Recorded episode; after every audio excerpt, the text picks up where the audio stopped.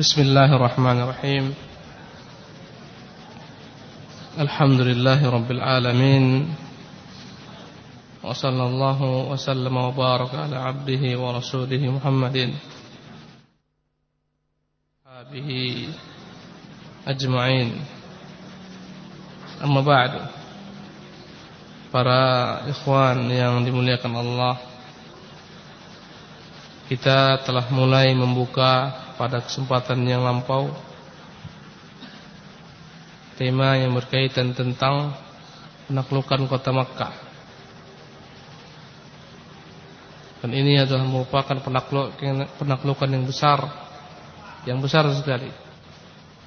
Dengan penaklukan tersebut Allah Subhanahu wa taala muliakan agamanya. Dengan penaklukan tersebut Allah selamatkan negerinya yang haram negeri Mekah yang Allah haramkan. Rumahnya. Dan dengan penaklukan ini tersebarlah cahaya iman bergembira penduduk langit dan bergembira pula penduduk bumi. Dan dengan penaklukan ini masuklah manusia berbondong-bondong kepada agama Allah SWT. Adapun sebab penaklukan ini telah kita jelaskan bahwasanya sesuai dengan kesepakatan yang dijalin antara orang-orang Quraisy dengan kaum muslimin adanya genjatan senjata 10 tahun terhitung sejak perjanjian Hudaybiyah tahun ke-7 Hijriah. Tetapi baru berjalan setahun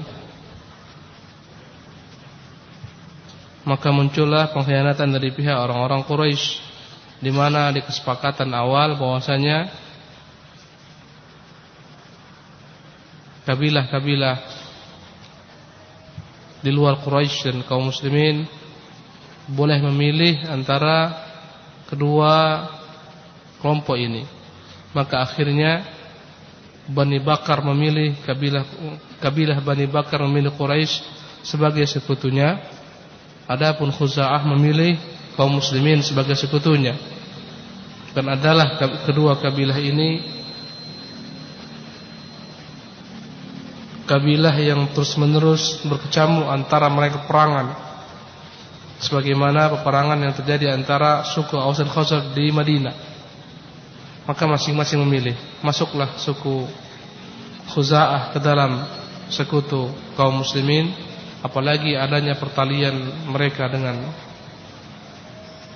Rasulullah SAW dan masuklah Bani Bakar kepada suku Quraisy.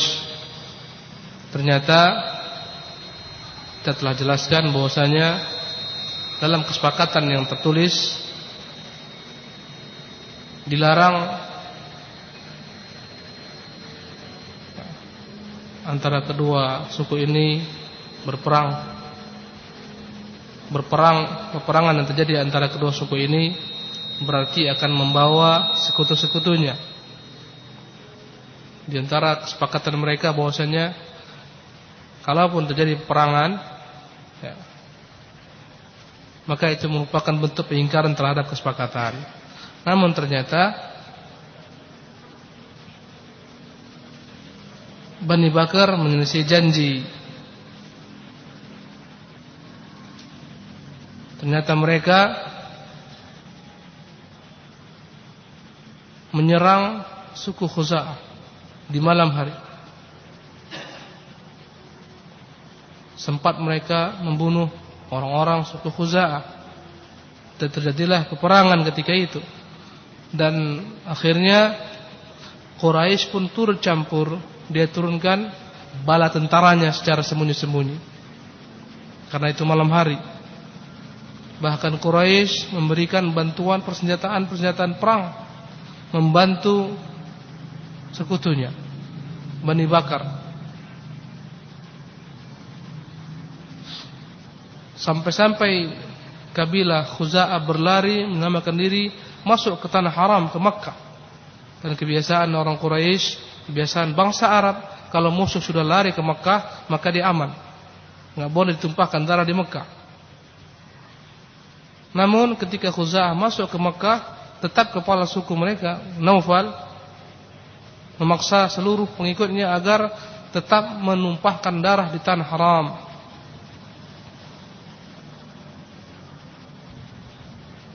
Kemudian ikhwan rahimakumullah Sampainya di Makkah segera mereka berlindung ke rumah Badil bin Warqa Salah seorang di antara mereka yang tinggal di Makkah Kemudian ke rumah Maula mereka yang bernama Rafi' Maka segera berangkat Amr bin Salim Al-Khuzai menemui Rasulullah memberitakan pengkhianatan tersebut. Maka berkata Rasulullah, "Nusirta ya Amr bin Salim." Engkau telah ditolong wahai Nasir, wahai Amr bin Salim. Inilah sebab peperangan. Pengkhianatan Quraisy. Mereka bahkan bantu sekutunya dengan balas tentara dan dengan persenjataan ketika telah tercium oleh orang-orang Quraisy gelagat bahwasanya kaum muslimin mengetahui pengkhianatan mereka maka bergegaslah mereka bermusyawarat mengambil kesepakatan kesepakatan yang mendesak sekali. Mereka usulkan agar Abu Sufyan kembali menemui Rasulullah di Madinah untuk memperbarui perjanjian memperkuat perjanjian dan menambah jangka lebih panjang lagi senjata-senjata. Namun, sebagaimana yang telah disebutkan di minggu lampau, Abu Sufyan tidak dipedulikan. Dia datang kepada Abu Bakar, enggak didengar. Datang kepada Umar pun demikian. Datang kepada Ali, minta perlindungan kepada Fatimah, minta perlindungan kepada Hasan. Namun dia semuanya perbuatannya sia-sia. Kemudian telah terjelaskan bahwasanya Rasulullah berdoa kepada Allah agar jangan sampai berita penaklukan Mekah didengar oleh musuh dan manusia. Karena Allah terima doa Rasulullah. Tapi kita telah jelaskan kemarin bahwasanya ada salah seorang sahabat Nabi bernama Hatib bin Abi Balta'ah karena dia punya famili di Mekah yang tidak ada melindunginya. Hatib bin Abi Balta'ah salah seorang sahabat Nabi yang ikut perang Badar karena perasaan mengikuti perasaannya diambil secari kertas dia tuliskan surat kepada Quraisy bahwasanya Muhammad sallallahu alaihi wasallam ingin menyerang mereka. Kemudian dititipkan kepada seorang perempuan. Berangkatlah perempuan tersebut maka datanglah wahyu pada Nabi sallallahu alaihi wasallam menyatakan bahwasanya surat tersebut dibawa oleh seorang wanita. Maka Rasulullah perintahkan Ali dan sahabatnya untuk mengejar perempuan tersebut dan mengambil surat agar jangan sampai ke Quraisy. Berangkatlah keduanya dan dapatlah perempuan tersebut tepat di tempat yang Rasulullah katakan. Maka Ali memaksa agar dia memberikan surat. Kata Ali, "La tukhrijanna al-kitab aw lanulqiyanna thiyab." Berikan surat itu. Jika tidak, kau akan kami telanjangi. Akhirnya sang wanita tersebut mengambil dari dalam sanggul ikatan rambutnya surat dari Hatib kemudian dibawa ke Madinah. Maka sampai di Madinah Rasulullah manggil Hatib. Ya Hatib, apa yang telah kau perbuat? Berkata Hatib bin Abi Balta, ya Rasulullah, ma ghayyartu wala badaltu aku tidak pernah merubah agamaku tidak pernah aku tapi ya Rasulullah demi Allah kalian memiliki kerabat-kerabat di Makkah yang melindungi kerabat-kerabat kalian. Tapi aku di sana memiliki kerabat yang tidak ada melindunginya. Karena itu aku ingin agar Quraisy mengingat jasaku dan menyelamatkan keluargaku di sana. Hanya itu ya Rasulullah. Berkata Umar ya Rasulullah dia telah munafik. Berikan aku kesempatan biar kupisahkan kepalanya. Berkata Rasulullah ya Umar, tidakkah engkau tahu bahwasanya dia ikut perang Badar? Tidakkah engkau tahu bahwasanya Allah telah berkata kepada para sahabat yang ikut perang Badar, perbuatlah apa yang kalian kehendaki, niscaya Allah akan mengampuni dosa-dosa kalian. Maka Umar pun menangis radhiyallahu taala anhu arda. Yang jelas nggak sampai berita ini kepada orang Quraisy. Kita telah bicarakan kemarin kedatangan Abu Sufyan yang ditolak sehingga akhirnya dia berdiri di antara manusia dan meminta perlindungan kepada semuanya. Kemudian juga telah kita jelaskan bagaimana kaum muslimin mulai bergerak berangkatlah Rasulullah sallallahu alaihi wasallam dengan para sahabatnya berjumlah 10 ribu orang, masya Allah.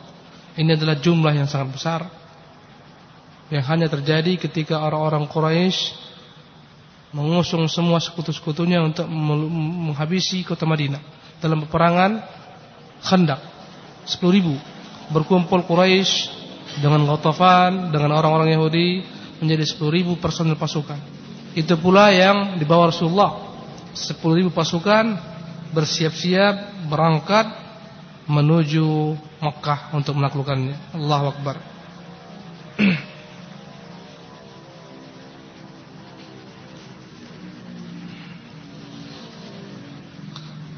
Para ikhwan yang dimuliakan oleh Allah SWT Mulai mereka berak, bergerak. Kemudian Ketika itu Ramadan. Rasulullah dan para sahabat Berangkat dengan menaklukkan kota Makkah Dalam keadaan berpuasa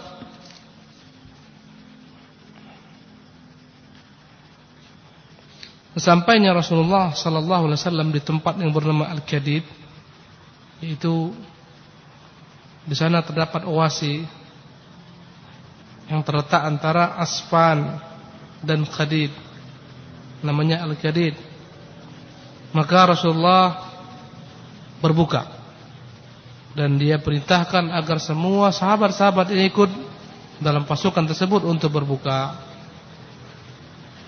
agar mereka lebih kuat untuk menghadapi musuh. Kemudian mereka bergerak sampai di tempat yang bernama Marud Zahran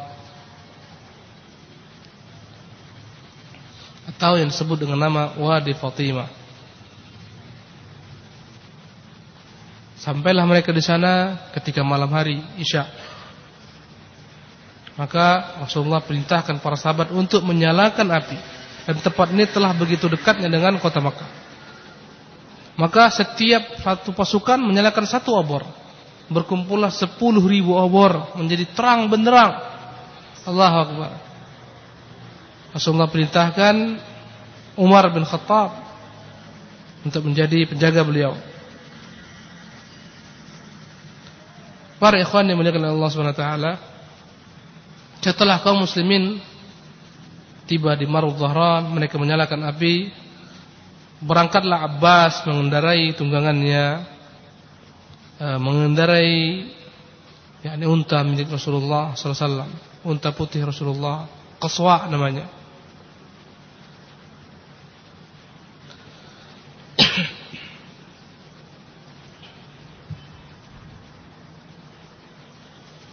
Abbas berangkat di malam hari tersebut mencari-cari semoga ada orang yang bisa memberitahukan kepada Quraisy agar segera mereka minta perlindungan kepada Rasulullah sebelum Rasulullah menaklukkan Mekah dengan paksa.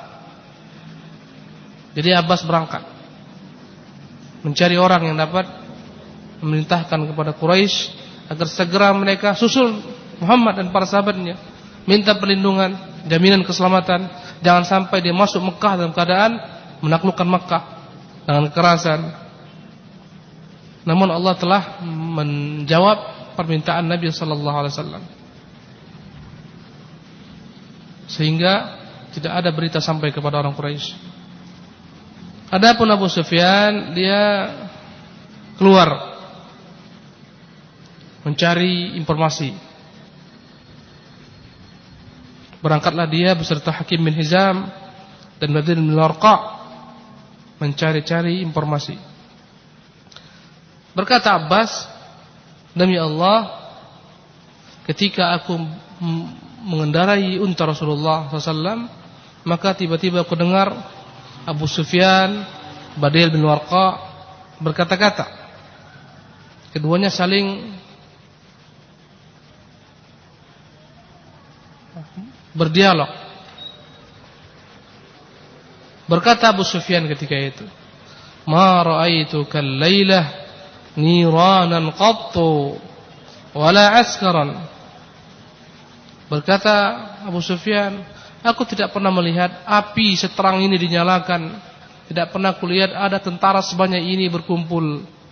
Maka berkatalah ketika itu Badil bin Warqa, "Hadhihi wallahi khuza'ah." Ini api milik orang-orang Khuza'ah yang ingin kembali melawan orang-orang Bani Bakar. Khamashat hal harbu. Mereka merasa ingin membalas dendam dampak dari peperangan kemarin. Namun Abu Sufyan menjawab, "Khuza'ah aqallu wa adhal min an takuna hadhihi niranuha wa askaruha." Mustahil ini orang Khuza'ah. Mustahil mereka punya lampu sebanyak ini terangnya punya obor sebanyak ini bilangannya, punya tentara seperti ini. Maka berkata Abbas, ketika aku mendengar suara keduanya, aku tahu itu suara Abu Sufyan.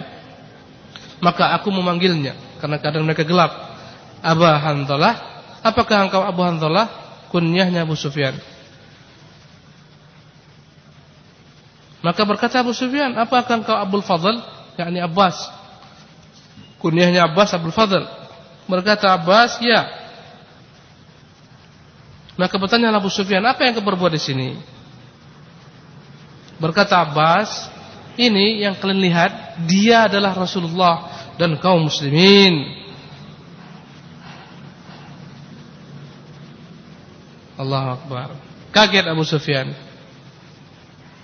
Ternyata yang dia saksikan adalah api orang-orang Islam.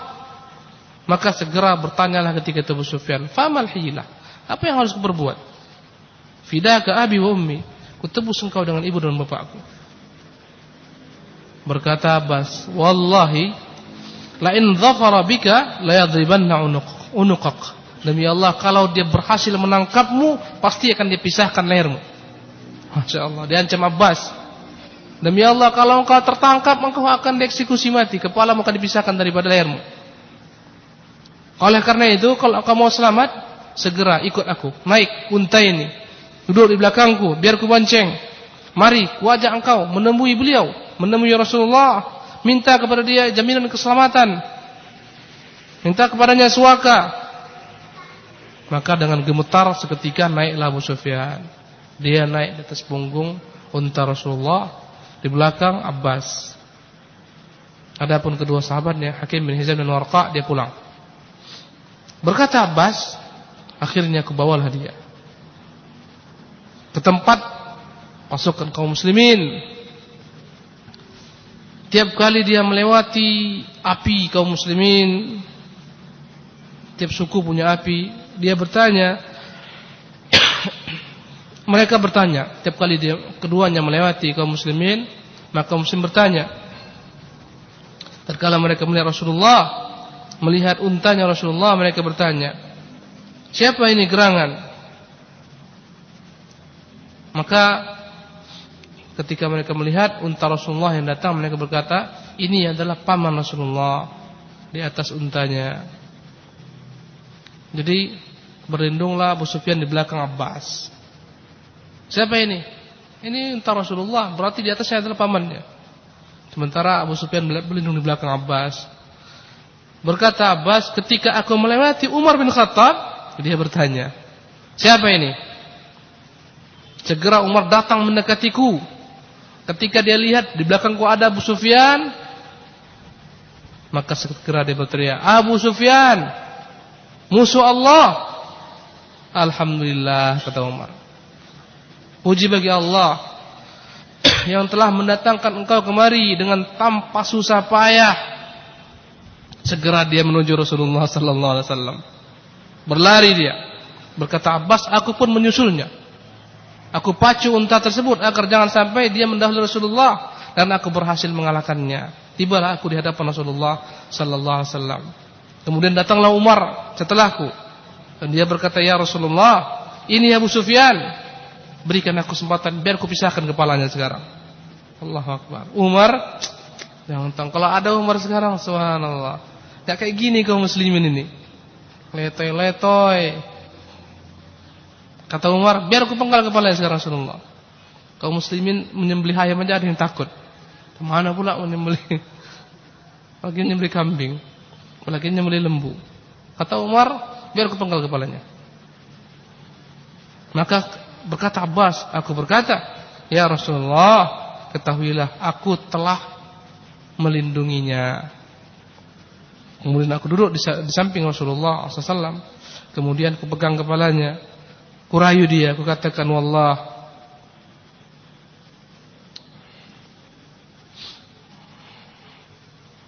la yunajihi al-lailata ahadun duni. Aku katakan dalam hatiku demi Allah, tidak ada seorang pun yang boleh masuk kepada Nabi berbicara kepadanya kecuali aku saja. Kata Abbas, aku ingin bicara kepadamu ya Rasulullah. Berkata Umar dan Umar terus-menerus berkata-kata berceloteh tentang Abu Sufyan. Maka aku pun berkata, "Wahai Umar, kau dengarlah sebentar demi Allah. Kalau saja yang di belakangku ini satu daripada sukumu Bani Adi, pasti kau nggak buat seperti ini. Kau tahu ini memang sukuku." Karena ada hubungan antara antara Abbas dengan Abu Sufyan. Ya. Al Harith, bapaknya Abu Sufyan, itu adalah merupakan saudara bagi Abdul Muttalib. Subhanallah. Sepupunya. Jadi kata Abu kata Abbas, wahyu Umar aku tahu, ini karena dia adalah pemilikku, bukan daripada Bani Adi. Kalau Bani Adi enggak seperti ini kau. Subhanallah. Apa kata Umar radhiyallahu taala Apa kata Umar? Mahlan ya Abbas. Sebentar wahai Abbas. Fa wallahi la islamuka kana ahabba ilayya min islami al-Khattab. Demi Allah, Sesungguhnya engkau masuk Islam itu lebih kucintai daripada masuk Islamnya bapakku sendiri Al-Khattab. Kata Umar, demi Allah, engkau masuk Islam itu lebih kucintai daripada bapakku masuk Islam. Bukan masalah keluarga ini sekarang. Bukan masalah suku. Kenapa? Karena aku tahu keislamanmu itu lebih dicintai Rasulullah daripada keislaman bapakku Khattab.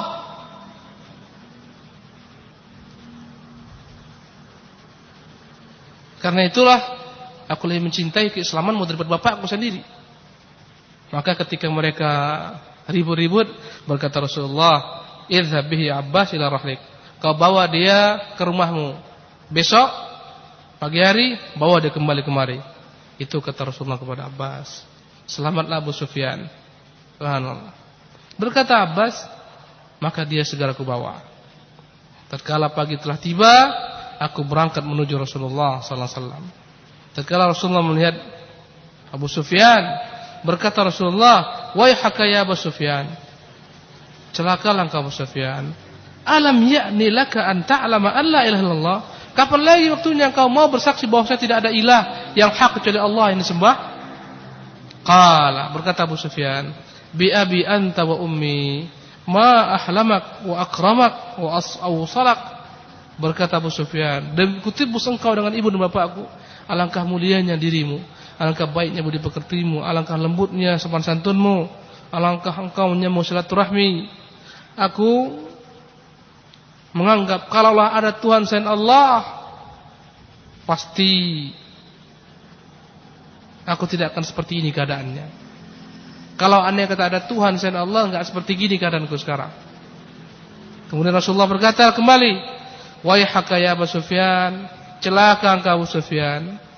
Alam ya'ni laka an ta'lama anni Rasulullah? Kapan lagi mau mengakui aku adalah Rasulullah? Apa kata Abu Sufyan? Bi abi anta wa ummi ma ahlamaka wa akramaka wa awsalaka amma hadhihi fa inna fi nafsi hatta al-an minha syai'an. Ketika disuruh dia, kapan lagi engkau mau bersaksi aku Rasulullah? Diangkat Rasulullah Kutebus engkau dengan bapak dan ibuku. Alangkah lembutnya engkau, alangkah baiknya beli pekertimu, alangkah kau menyambut Tapi, tapi untuk perkara ini aku masih pikir-pikir dulu lagi. Seketika dibentak oleh Abbas, berkata Abbas kepada Abu Sufyan, "Wahai haka aslim, celakalah engkau. Masuk kau ke dalam Islam. Bersaksilah bahwa saya tidak ada ilah yang kecuali Allah, Muhammad Rasulullah." Sebelum kepalamu dipisahkan.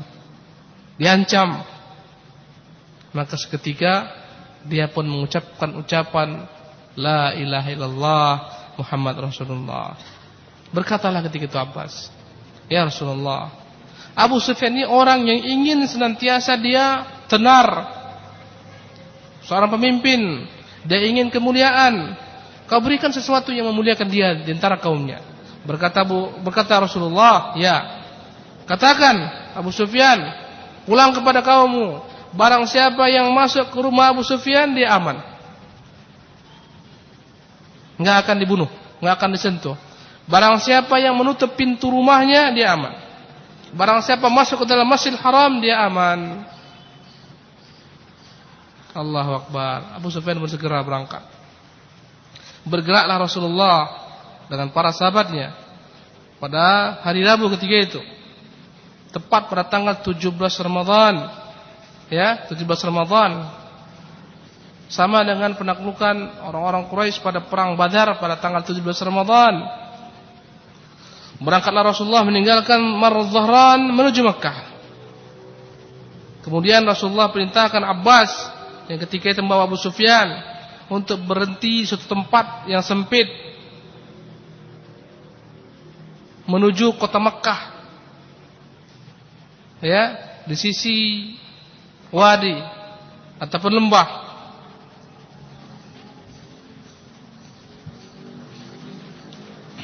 yang dekat dengan gunung agar Abu Sufyan dilewati oleh kaum muslimin, tentara-tentara Allah SWT. Maka di situlah berdiri Abu Sufyan ya, di pintu masuk kota Makkah dekat gunung tersebut. Di samping Abbas, Rasulullah perintahkan pasukan untuk berjalan di hadapan Abu Sufyan, membuat gentar Abu Sufyan. Maka lewatlah setiap suku-suku, kabilah-kabilah, masing-masing bawa bendera. Allahu Akbar. Tiap kala satu suku lewat, bertanyalah ketika itu Abu Sufyan kepada Abbas, "Ya Abbas, siapa ini?"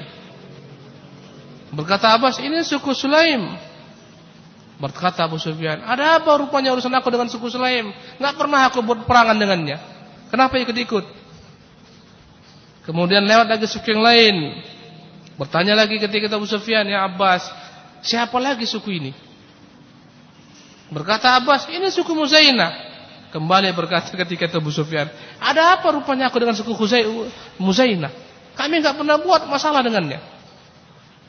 Sampai setiap suku lewat, setiap suku lewat dia bertanya kepada Abbas dan Abbas beritahukan ini suku ini, ini suku ini. Dan semua dia katakan ada apa dengan mereka semua.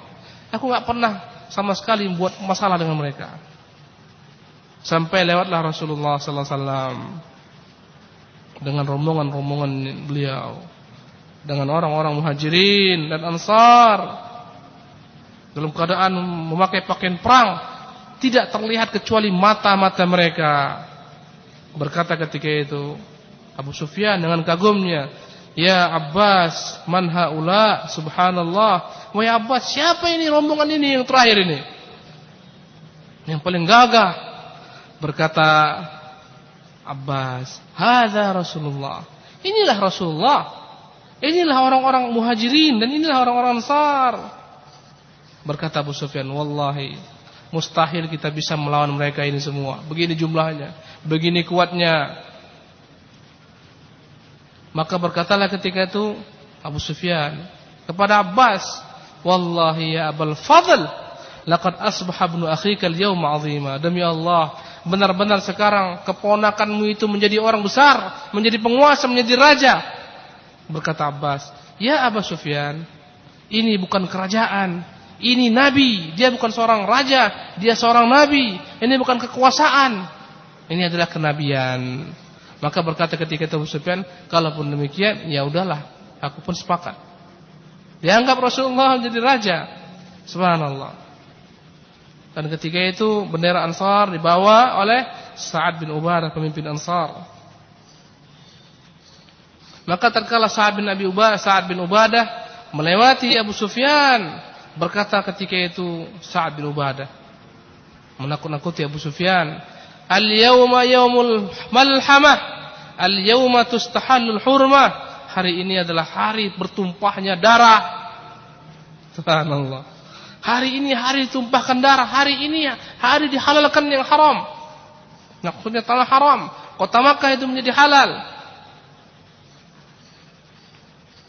Al-yawma adhallallahu Quraisyan. Hari ini benar-benar akan dihabisi orang-orang Quraisy, dihinakan oleh Allah. Tatkala Abu Sufyan mendekat kepada rombongan Rasulullah SAW, maka berkata ketika Abu Sufyan, "Ya Rasulullah, tidakkah kau mendengar apa yang dikatakan Sa'ad?" Berkata Rasulullah, "Apa yang dikatakan Sa'ad?" Dia katakan seperti ini, seperti ini. Maka berkata Uthman bin Abdurrahman bin Auf, "Ya Rasulullah, ma na'manu an yakuna lahu fi Quraisy sawlah." Ya Rasulullah, kata Uthman, kami khawatir jangan-jangan dia masih punya kekuatan di antara orang-orang Quraisy. Maka Rasulullah menjawab, "Balil yauma yaumun tu'zamu fihi al-Ka'bah." Yang benar, hari ini adalah hari akan dimuliakan Ka'bah, diagungkan Ka'bah. Al-yauma yaumun azzallahu fihi Quraisyan. Yang benar hari ini Allah akan muliakan orang-orang Quraisy. Kemudian Rasulullah perintahkan agar panji yang dibawa saat dipindahkan kepada selainnya kepada anaknya. Qais disuruh bawa bendera ini berikan kepada anak Qais sebagai hukuman kepada Sa'ad bin Ubadah. Ikhwan rahimakumullah.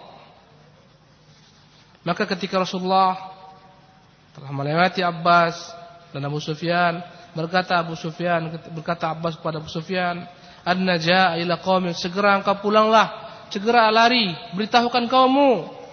Maka segera Abu Sufyan berlari sampai masuk ke kota Mekah. Kemudian dia berteriak dengan suaranya sekeras-kerasnya.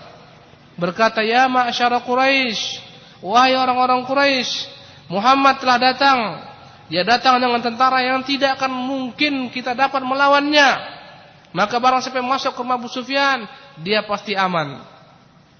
Maka segera datanglah Hindun bintu Utbah istri Abu Sufyan dengan marah besar karena dia nggak tahu masalah, dia tarik jenggot Abu Sufyan. Dia tarik kumis Abu Sufyan. Dia cerca habis-habisan suaminya. Engkau pengecut, engkau penakut, apa yang kau katakan? Berkata kaum Abu Sufyan, binasalah kalian. Jangan kalian terlalu percaya terhadap diri kalian. Demi Allah, Sesungguhnya aku telah melihat mereka membawa pasukan yang mustahil dapat kita kalahkan. Jumlah mereka sangat banyak. Yang masuk Abu rumah Abu Sufyan dia aman. Maka semua mereka protes. Binasalah engkau Abu Sufyan. Ada apa rupanya rumahmu? Kenapa harus ke rumahmu? Subhanallah. Apa rupanya hebatnya rumahmu? Berkata Abu Sufyan tanpa menjawab kata mereka, yang masuk ke rumahnya dan menutup pintu rumah dia aman. Yang masuk ke masjid maka dia aman.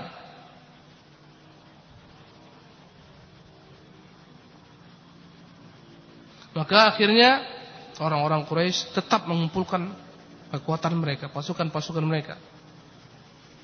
Kelompok-kelompok.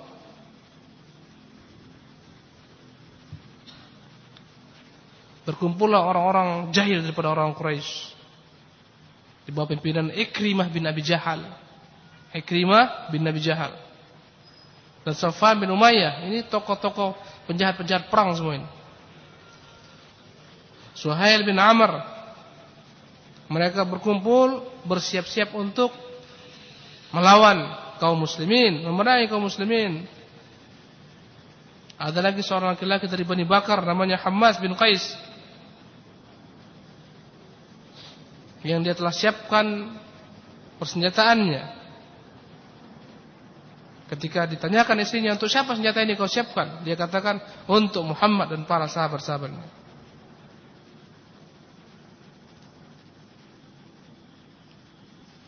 Ikhwani rahimanallahu wa iyyakum ajma'in. Adapun Rasulullah sallallahu alaihi wasallam maka dia terus berjalan sampai ke Dhi Tua dan dia benar-benar menundukkan kepalanya sehingga menyentuh ke leher untanya. Dia melihat betapa Allah telah muliakan dirinya. bagaimana Allah telah taklukkan kota Makkah. Begitu tunduknya Rasulullah SAW. Dan ketika itulah Rasulullah mengatur siasat, membagi-bagi pasukannya. Maka untuk sayap kanan diperintahkan Khalid bin Walid menjadi pemimpin mereka.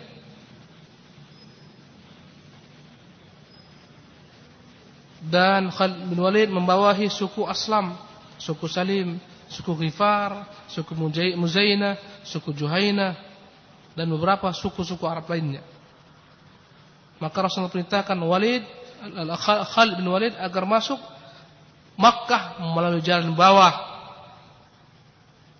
Berkata ketika Rasulullah, andai kata ada yang menentang kalian, giringlah mereka, desaklah mereka. Terus desaklah mereka. Kalau mereka tetap juga menantang, perangi mereka. Sampaikan kelak berjumpa denganku di Bukit Safa. Adapun sisi sayap kiri di bawah pimpinan Az-Zubair bin Awam dan ketika itu membawa panji Rasulullah SAW, maka Rasulullah perintahkan Zubair untuk masuk Makkah dari jalan atas, dari arah Gada. Kemudian Rasulullah perintahkan jika sampai ke sana hendaklah dia tancapkan benderanya di Hajun dan jangan meninggalkan tempat tersebut sampai ada perintah Rasulullah. Adapun Abu Ubaidah diperintahkan Rasulullah membawa pasukan pejalan kaki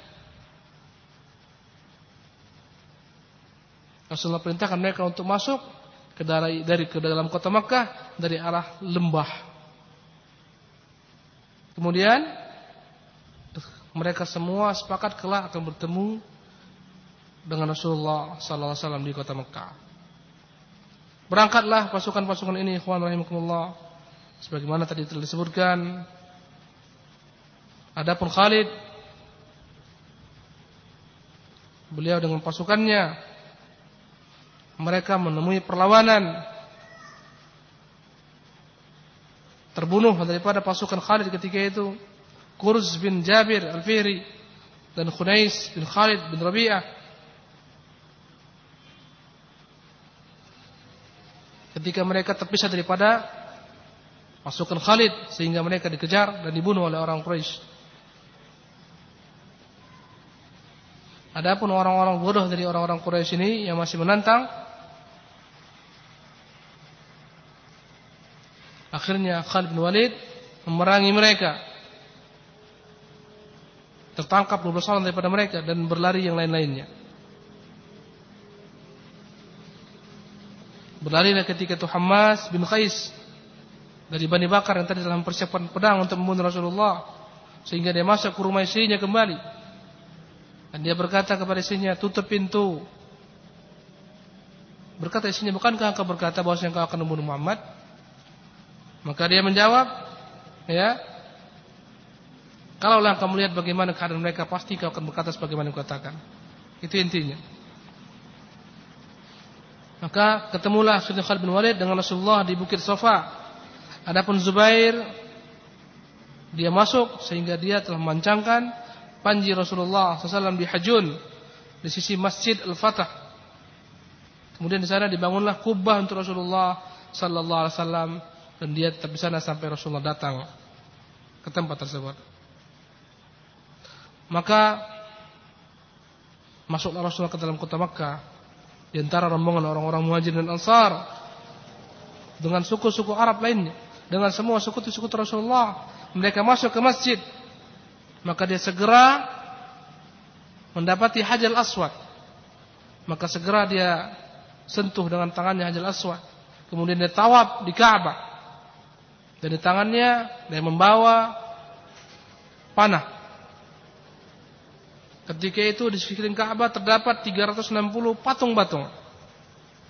Maka Rasulullah sambil tawaf dia tumbangkan patung tersebut satu demi satu dan dia ucapkan ja'al haqqu wa zahaqal batil zahaqal batil innal batila kana zahuqa. Telah datang yang hak telah hilang kebatilan, sungguhnya kebatilan pasti akan hilang. Kemudian dia bacakan ayat, Ja'al haqqu wa yubdi'u al-batil wa ma yu'id. Telah datang hak, tidak akan lagi kembali batil. Tidak akan kembali kebatilan. Sementara patung-patung tersebut jatuh tersungkur di atas tanah, berhancuran seluruhnya. Adalah Rasulullah tawab dengan untanya ketika itu. Dan dia masuk ke Makkah bukan dalam keadaan berihram. Maka dia hanya mencukupkan diri dengan tawaf saja. Tawaf penghormatan disebut dengan nama tawaf kudum karena dia bukan datang untuk ihram. Dia datang untuk menaklukkan Makkah. Ketika selesai tawaf, dia panggil Utsman bin Talha. Kemudian dia ambil kunci Ka'bah. Kemudian diperintahkan agar Ka'bah dibuka pintunya. Kemudian dia masuk ke dalam Ka'bah. Dia lihat di sana ada patung-patung. Dia lihat dalam Ka'bah ada patung Ibrahim dan Ismail. Kedua-duanya sedang bermain bermain al-azlam, bermain judi. Maka Rasulullah menjawab, maka Rasulullah berkata, qatalahumullah, binasalah mereka. Wallahi mastaqsama biha khat. Mereka tidak pernah sama sekali mengadu undian seperti ini. Ibrahim, Ismail tidak pernah membuat undian seperti ini. Dan dia lihat di Ka'bah ada patung dari emas yang berbentuk merpati, maka dihancurkan oleh Rasulullah SAW. Adapun patung-patung yang lain semuanya tidak ada yang tersisa, semua diruntuhkan oleh Rasulullah SAW. Kemudian dia tutup pintu. Di sana Rasulullah dikawani oleh Usama dan Bilal.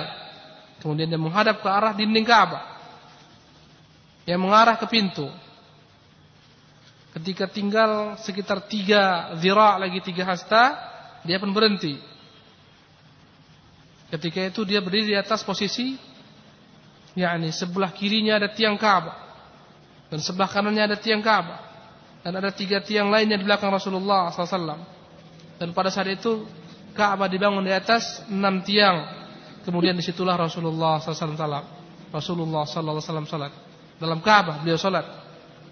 Kemudian dia berjalan di dalam Ka'bah, sekeliling Ka'bah tersebut. Kemudian dia bertakbir setiap sudutnya. Dan dia memuji Allah, mengesahkan Allah. Kemudian baru dia buka pintu. Sementara orang-orang Quraisy telah memenuhi masjid. Mereka semuanya menunggu apa yang akan diputuskan Rasulullah sallallahu alaihi wasallam. Kemudian dia buka pintu dan pintu Ka'bah tinggi, di bawah orang Quraisy tinggi. Di bawah telah berdiri semua orang-orang Quraisy. Maka dia berkata sallallahu alaihi wasallam, la ilaha illallah wahdah la syarikalah. Tidak ada ilah yang hak kecuali Allah semata. Tidak ada sekutu baginya. Sadaqa wa'dah. Dia telah memenuhi janjinya. Wa nasara 'abdah. Dia telah menolong hambanya wahazamal ahzab wahdah dia telah hancurkan tentara sekutu sendirinya dengan sendirinya ala kullu ma'tharatin au malin au damin fahuwa tahta qadamayya hataini ingatlah ketahuilah segala macam bentuk selas uh, persengketaan segala macam bentuk pertempuran harta ataupun darah yang mengalir semuanya setelah kuletakkan di bawah kakiku ini. Jangan lagi dipermasalahkan. Semuanya selesai di sini. Telah kuletakkan di bawah tapak kakiku ini. Maksudnya semuanya sudah selesai urusannya. Enggak ada lagi tuntut menuntut.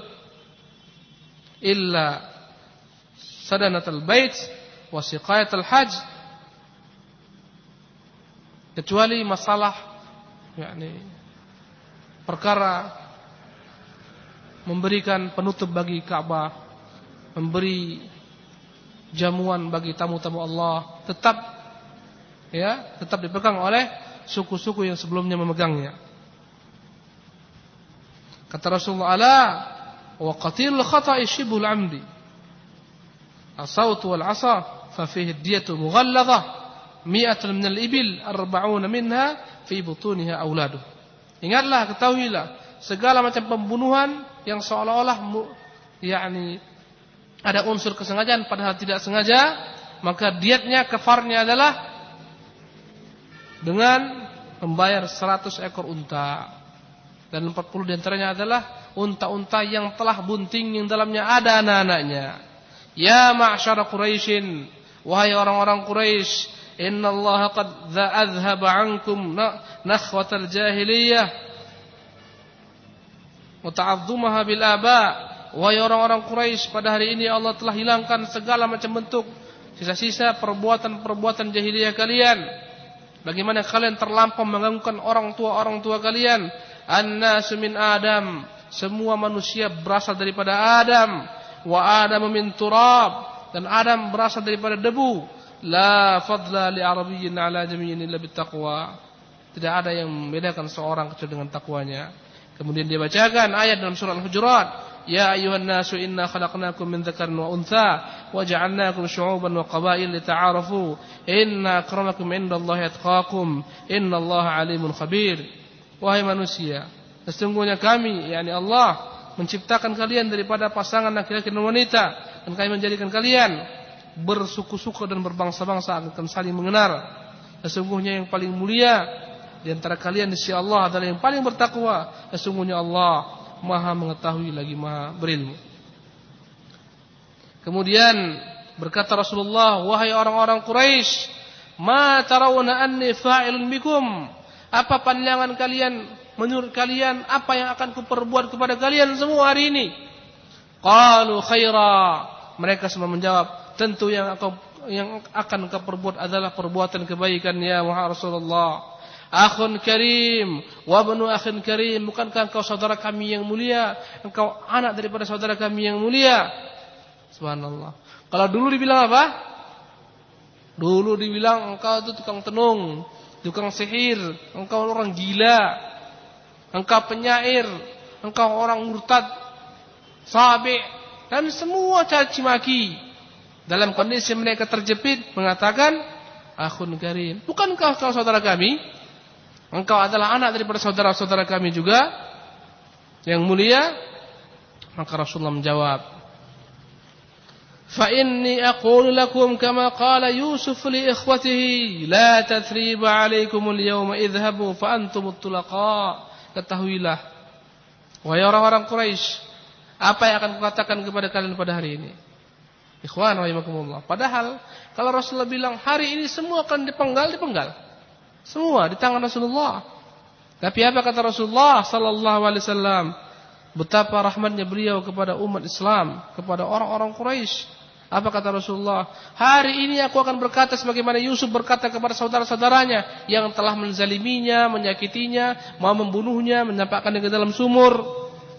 Kemudian dituduh lagi ketika mereka besar, dia pencuri, berbagai macam perbuatan kejahatan saudaranya terhadap Yusuf. Apa kata Nabi Yusuf alaihissalam?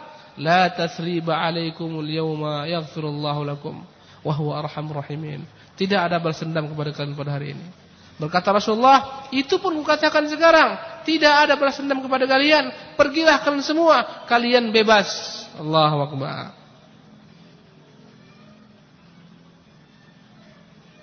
Inilah yang Rasulullah sallallahu alaihi wasallam katakan kepada orang-orang Quraisy. Kemudian duduklah Rasulullah sallallahu alaihi wasallam di masjid. Datanglah kepadanya Ali bin Abi Thalib Sementara Ali membawa kunci Ka'bah. Dan dia berkata, "Ya Rasulullah, ijma' lana al-hijamata ma'asiqaya." Jadikanlah masalah memberikan minuman bagi tamu-tamu Allah, jemaah haji, memberikan kiswa bagi Ka'bah, berikan kepada kami ya Rasulullah sallallahu alaihi semoga Allah bersalawat kepadamu. Maka Rasulullah berkata, "Aina Utsman ibn Talha?" Mana Utsman bin Talha? Kemudian Utsman bin Talha dipanggil. Maka berkata Rasulullah kepada Utsman bin Talha, "Ha kami iftahak ya Utsman. Ini kunci Ka'bah. Kau pegang wahai Utsman." Karena memang sebelumnya dia yang pegang turun temurun. Turun temurun daripada keturunan dia yang pegang kunci Ka'bah. Al yauma yauma yauma barrin wa wafa. Hari ini adalah hari kita akan penuhi janji, hari yang penuh kebaikan. Kau pegang kunci ini, engkau terus menerus tetap engkau yang memegang kunci Ka'bah. Dan sampai sekarang ikhwan Allah keturunan daripada Utsman ya. Abu uh, Utsman bin Talha Mereka lah yang sampai sekarang tetap memegang kunci Ka'bah.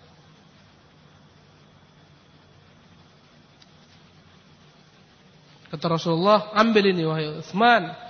Tidaklah merampas daripada kalian hak kalian kecuali orang yang zalim.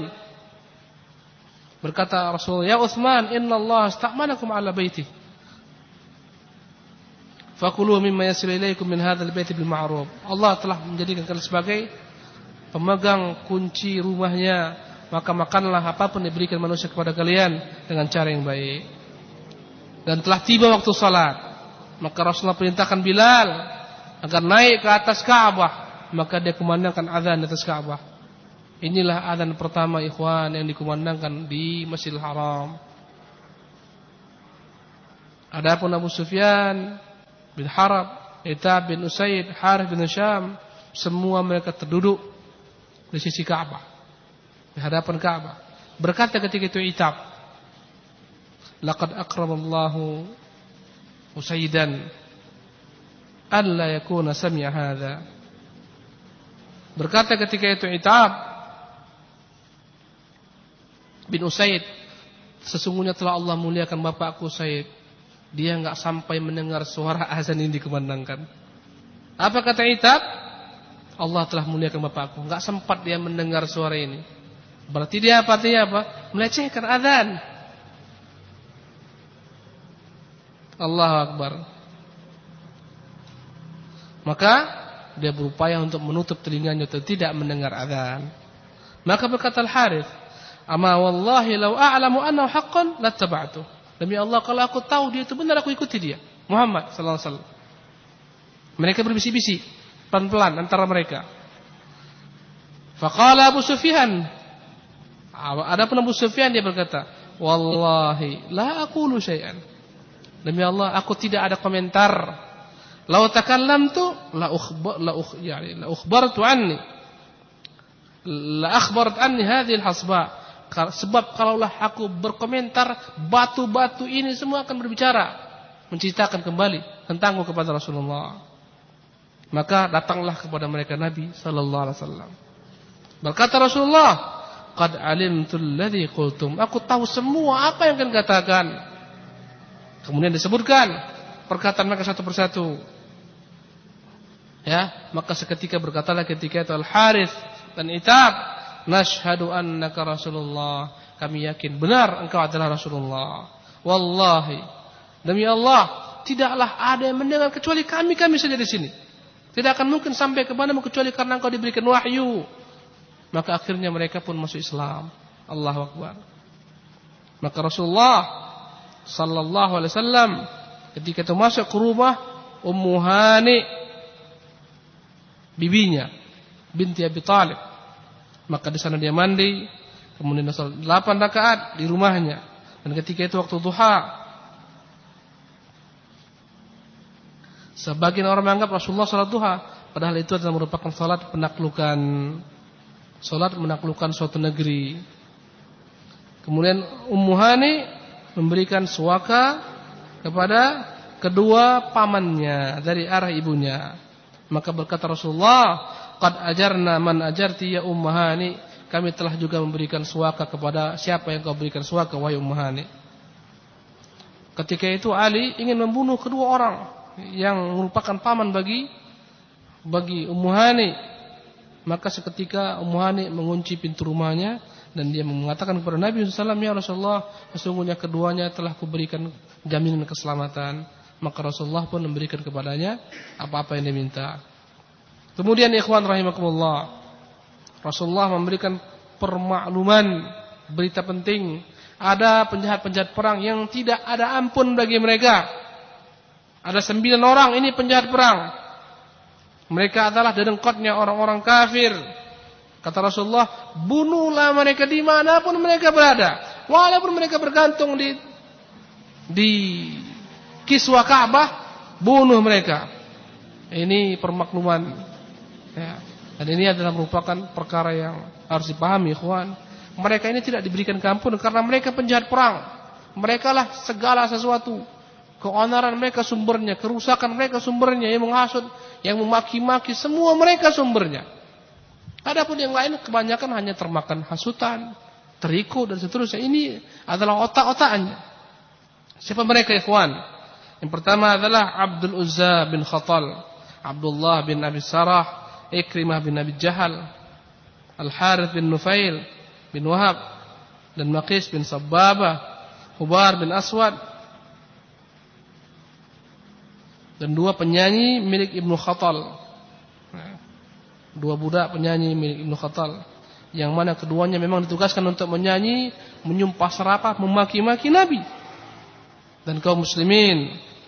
Inilah yang Rasulullah perintahkan untuk dibunuh di mana berada. Kemudian Sarah Maula miliknya Abdul Muttalib. Dikatakan dia adalah wanita yang membawa surat tersebut, surat yang akan dihantarkan kepada orang Quraisy daripada Hatib bin Abi Balta'a. Ikhwan rahimanillah wa iyyakum ajmain.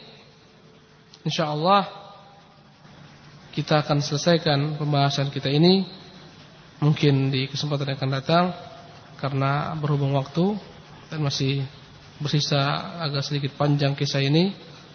Wallahu taala alam. Semoga bermanfaat. Aku ma tasmaun wa sallallahu wa ala Muhammadin wassalamu alaikum warahmatullahi wabarakatuh.